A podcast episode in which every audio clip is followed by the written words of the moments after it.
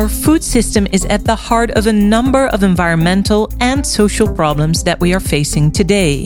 And the challenges are many. A growing world population in a context of increasingly scarce natural resources, the loss of biodiversity, malnutrition, hunger, or obesity the transition towards a more sustainable food chain is a key priority globally, creating a world of new opportunities for investors. In this podcast, I talk to Gillian Diesen, Senior Product Specialist at Pictet Asset Management. Gillian, welcome back. It's great to have you again. Thank you so much for having me again. Now, Gillian, before we fully immerse ourselves in the food sector, could you please outline the complete food value chain for us? Absolutely. So, I mean, this is quite a complex thing, but we've tried to simplify it. You can simplify it quite simply, um, really into three main blocks. So if we look upstream, uh, we've got ag tech, roughly speaking. So this is all the agricultural part um, of this food cha- value chain. Um, some of the things you might find here would be uh, precision farming technologies, uh, sustainable agriculture, aquaculture. Then in the middle of this chain, uh, you would find what we would call logistics. So everything we need to get the food from the farm to our plates. Um, so you would find things like food distribution here, but also food safety testing, diagnostics. Um, and then finally, downstream, we have the food element itself. So food products, supplements, and food ingredients players. Right. So that, that's quite a process there. Uh, what is so problematic about the way that we produce and we consume our food? Yeah, I mean, absolutely. But today, we really believe that our food systems are at the heart of some of our largest environmental and social problems in the world today. Um, you know, we're living in a in a time in which we have a growing global population that needs to be fed, uh, but within the context also of climate change and fewer and fewer natural resources, whether those are arable land or water, and indeed agriculture itself, which is one of the most resource intensive industries out there overlay on top of that, then, um, you know, a global health crisis, which for once I'm not going to talk about COVID, but actually malnutrition, uh, which is something that has been growing under the surface for quite some time and is just as much about hunger or lack of sufficient access to nutrition as it is about obesity uh, and these kinds of diet related comorbidities like diabetes um, and heart disease that, that one's suffering from as well. So, um, you know, really there, there's no single silver bullet to these really major environmental and social problems. And so if we're going to try to mitigate some of these challenges, we really need to look across uh, the entire food value chain for different solutions. And broadly speaking, what would you say are the structural changes then needed to make our food system more sustainable? Yeah, so so the kinds of solutions, let's say, that I mentioned, um, which are really the, the changes that we need to see um, if we're going to address these these global challenges, um, are are multiple. Um, on the one hand, you know, if we look at that upstream part of the value chain, we're looking at more sustainability. How do we produce more with less, uh, with less chemical usage, with less natural resources? How do we do this in a way that's more efficient? How do we make sure that everything we do produce um, actually ends up on our plates and isn't wasted uh, along the way? This is also about sustainability. And then finally, those products that we're consuming, how do we make sure that they're of better quality? Um, so mm, this could be reformulating to have less sh- less salt, less sugar, less fat, um, healthier for us, or to be more functional for us. If you think about things like probiotics and, and supplements, these are essentially functional foods. So I think there's this element of, of sustainability. Um, and there's also this element of quality. And globally speaking, we can look at a few things that sort of connect all these things together, like shorter, simpler global food supply chains um, that help bring closer together the consumer um, to food production, but also, you know, better logistics, um, and that that more sustainable, better quality product at the end. Right. I know we're not talking about the pandemic per se, but let's touch base on it shortly because it has changed uh, our food system in, in different ways as well. For example, during the pandemic, many consumers have discovered uh, meal box uh, services, such as those uh, offered by uh, HelloFresh, for example. What was the effect of COVID 19 on, on, our food consumption behavior, would you say, Gillian? Yeah, I mean, I, I think this has been really interesting to look at. It's something that's still ongoing but I think there is definitely a heightened awareness, um, you know, through this pandemic of the relationship fundamentally between diet and health. Um, and so you're starting to see really consumers starting to vote with their feet towards quote unquote better for you products. We've seen sales of things like probiotics, supplements, plant based products go up over this period, which is an indication a little bit towards this consumer demand for more sustainable, better quality products. Um, but we've also seen the way in which consumers consume these products uh, change as well. So you're really starting to see um, the quote unquote digital revolution finally coming to the food space, uh, where we have things like on demand food delivery, your meal kits, food distribution really at the touch of our button through our phones. Um, so these, I think, are the, the two fundamental ways in which we've seen consumers uh, starting to change their habits. One, one is the product themselves, um, and the other is how they get hold of it. Right. Uh, another thing that we've seen uh, during the pandemic uh, is that the successive lockdowns caused empty store shelves in, in the food stores. Are uh, food companies looking at their production and their distribution model differently as a result, would you say? I think everybody's looking uh, at the food value chain differently. Right. it's not just the companies themselves, but it but it's also consumers and and its governments too, uh, because this is really a matter of food security that has really become you know something in the spotlight.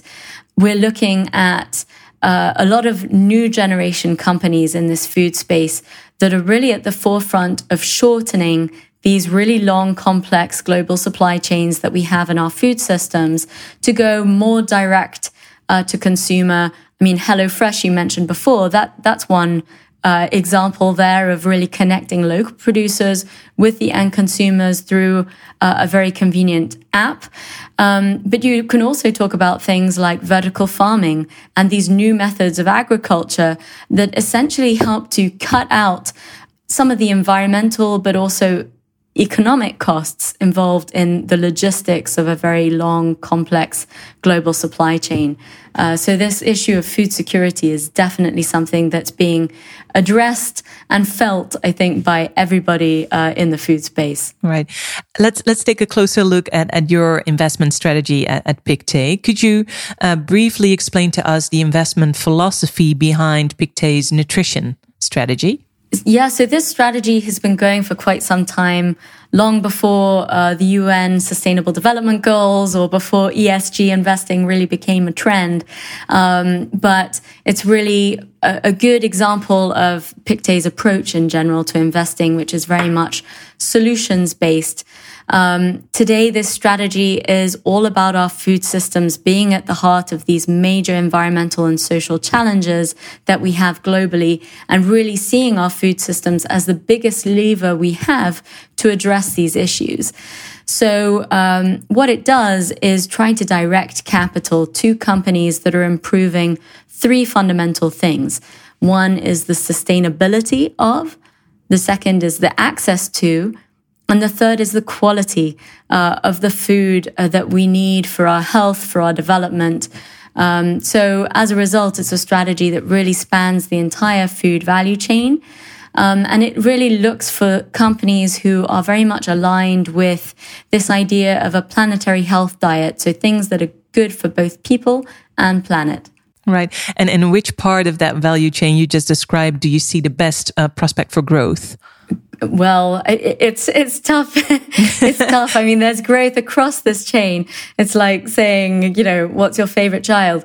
Uh, but uh, ultimately, um, you know, I think if, if, we're going back to to some of those points we had earlier in terms of better food security, I think this is a, a leitmotif amongst many of the new generation. Uh, you know, corporates or companies within the food space today, um, as are companies who are really geared for a, healthier, more sustainable product. Um, so better for you food, better for food security, and uh, more convenient access, um, or, or essentially the digital revolution in food, whether that's at the consumer end and really about access, or indeed about the agricultural methods that we employ today themselves. Um, we're seeing an enormous amount of growth when it comes to things like alternative proteins, um, but also uh, ag tech, again, showing the span of, of, growth opportunities really right the way across um, our food value chain. Mm. And are there any activities that you exclude in your your strategy? Yes, I, that's just as important actually as what we do include. Right. Uh, because there are certain elements that we believe um, we really don't want to be directing our capital to these things because, uh, for the most part, um, they might be products that require, for example, a lot of our precious resources to produce, but don't ultimately have a positive impact either on our health or on the planet. So, for example, uh, in that food space, uh, we exclude manufacturers of beef, processed meats, of confectionery, alcohol, all these things that fundamentally we're supposed to be eating less of most of the time, um, but which require a lot of our, our resources to produce. Um, the same goes for things like synthetic fertilizers uh, or pesticides, which ultimately degrade our soil and really have a negative impact all the way along this food value chain and ultimately to us as humans. Right. Uh, other activities such as, um, for example, cultivation of agricultural crops or the production of biofuel for animal feed uh, are also controversial, uh, partly because of their environmental impact. Are these activities part of your investment strategy? Commodity crops? Uh, no. I mean, we're, we're not really looking at commodities per se. Uh, we really want to be looking at the, the value added types of products and services that we can find along this food value chain, um, and which are really contributing to a, a more sustainable food future. Uh, so, um, with that in mind, you're not going to be finding sort of really plain vanilla commodities uh, in this strategy. Um, and you know, you mentioned animal feed. We, we, really prefer not to be encouraging too much in the way of animal protein consumption, um, which is also why we we exclude beef manufacturers because we want to really u- use more of our land to feed people rather than just animals. Um, and what's what, what's really interesting, actually, if you look at an example like beef, and you look at uh, metrics like the feed conversion ratio. Um, so essentially how much input you need for one unit of output, you're looking at something in the range of six to one with an output that we're increasingly told as humans to eat less of. Whereas if you compare that, for example, to say salmon, um, that has a feed conversion ratio closer to one to one. Um, and that end output is almost entirely edible, um, super high in, in omega oils and, and, other nutrients that we need. Um, so just as an example. Right, right. Now, would you say that companies that contribute to the food transition uh, are sustainable companies um, by definition? Uh, and, and, let me show you an example. For example, Nestle, they have an important position in, in your uh, strategy. However, in the past two years, that company's been associated with uh, child labor and, and water pollution. Um, how about that? Well, I'm, it really depends. it depends on every company. Um, and, uh, you know, we'll look at the product mix. For example, of a company, we'll look at their R&D spend. We'll look at their long-term strategy, their goals of management, um, to really determine whether this is a, a company whose strategy is geared for something aligned to our philosophy of nutrition. That's the first step. The second thing is that there are a lot of companies out there, and Nestle is a probably a, quite a good example of one of them, um, which are incredibly important in this food space, but they've been around for a very long time. And it's like a big tanker or cruise ship. It takes time to move the ship around right. and to shift it to something else.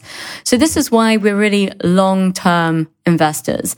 And uh, when we in, when we invest in a company, we tend to hold that position for in the range of five years, which gives us time to really work together with the management of those companies to try and help make a change. Um, so with someone like Nestle, actually, I would say it's quite a deeply misunderstood stock in general because while we know it best for its Kit Kats and its ice creams, 80% of this company's revenues are actually coming from nutritional products. Hmm. Um, it is actually one of the largest plant-based meat producers globally, um, although most people don't associate it with that. Um, and it invests incredibly heavily in these nutritional solutions, solutions to single-use plastics, uh, solutions to curbing activities um, like the controversies that that you just mentioned. Um, so it's a company that we would work together with, in conjunction with other asset managers uh, and other investors to really push for change. But already uh, in the last few years, we've seen a significant shift in a company like this um, towards uh, a more nutritional strategy, divesting their processed meats, divesting their confectionery businesses, their ice creams, and so on, um, which is all really an important part of helping to improve uh, the sustainability of these companies in the food space. Thank you for, for clarifying that, uh, Gillian. Um, and as you've just clearly explained to us, the food industry is facing a number of challenges. And not only is there the food transition, but we also have those exploding commodity uh, prices that we see currently. Um, as a final question, would you say that the food sector is still a defensive investment?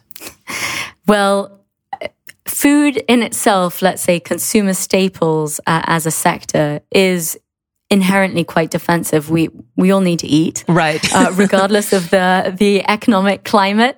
Um, but uh, I think you know what's interesting is if you look again at the the food sector more holistically, and this idea of the food value chain going from upstream you know, agriculture and agriculture technology through to logistics and, and finally food itself.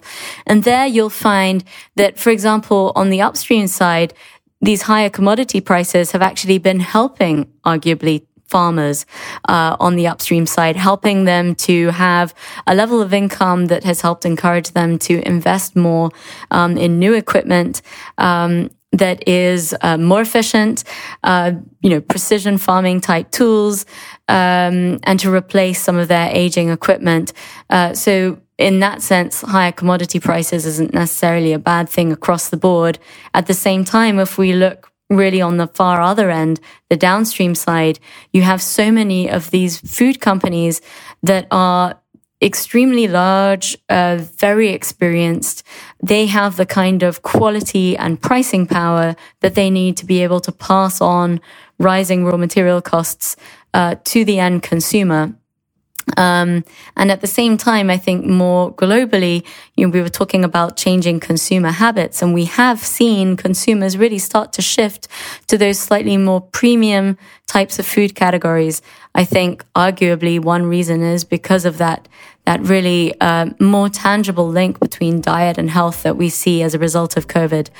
Um, so the trends are also strong uh, in that direction. So overall, I would still say um, that uh, you know an investment in a food-related strategy is, relatively speaking, probably um, one of the more defensive things and, and relatively sheltered from inflation uh, versus other sectors.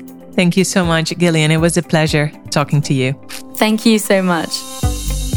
You listened to a podcast about the opportunities that the nutrition industry offers to investors.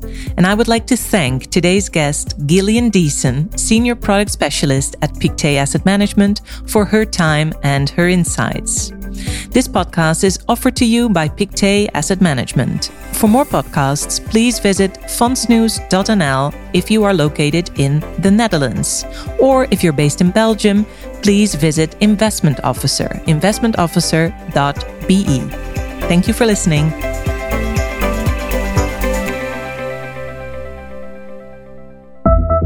This marketing material is for professional investors only. It is prepared by Pictet Asset Management Europe SA. Address Bâtiment Solaris, Terhulpsesteenweg 120, 1000 Brussels, Belgium. However, it is not intended for distribution to any person or entity who is a citizen or resident of any locality, state, country or other jurisdiction where such distribution, publication, or use would be contrary to law or regulation.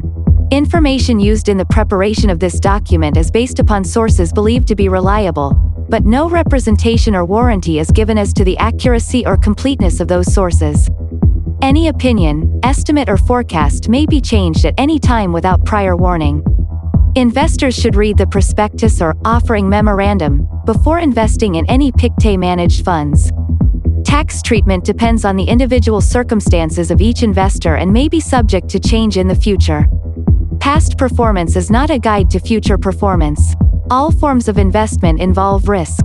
The value of investments and the income from them can fall as well as rise and is not guaranteed.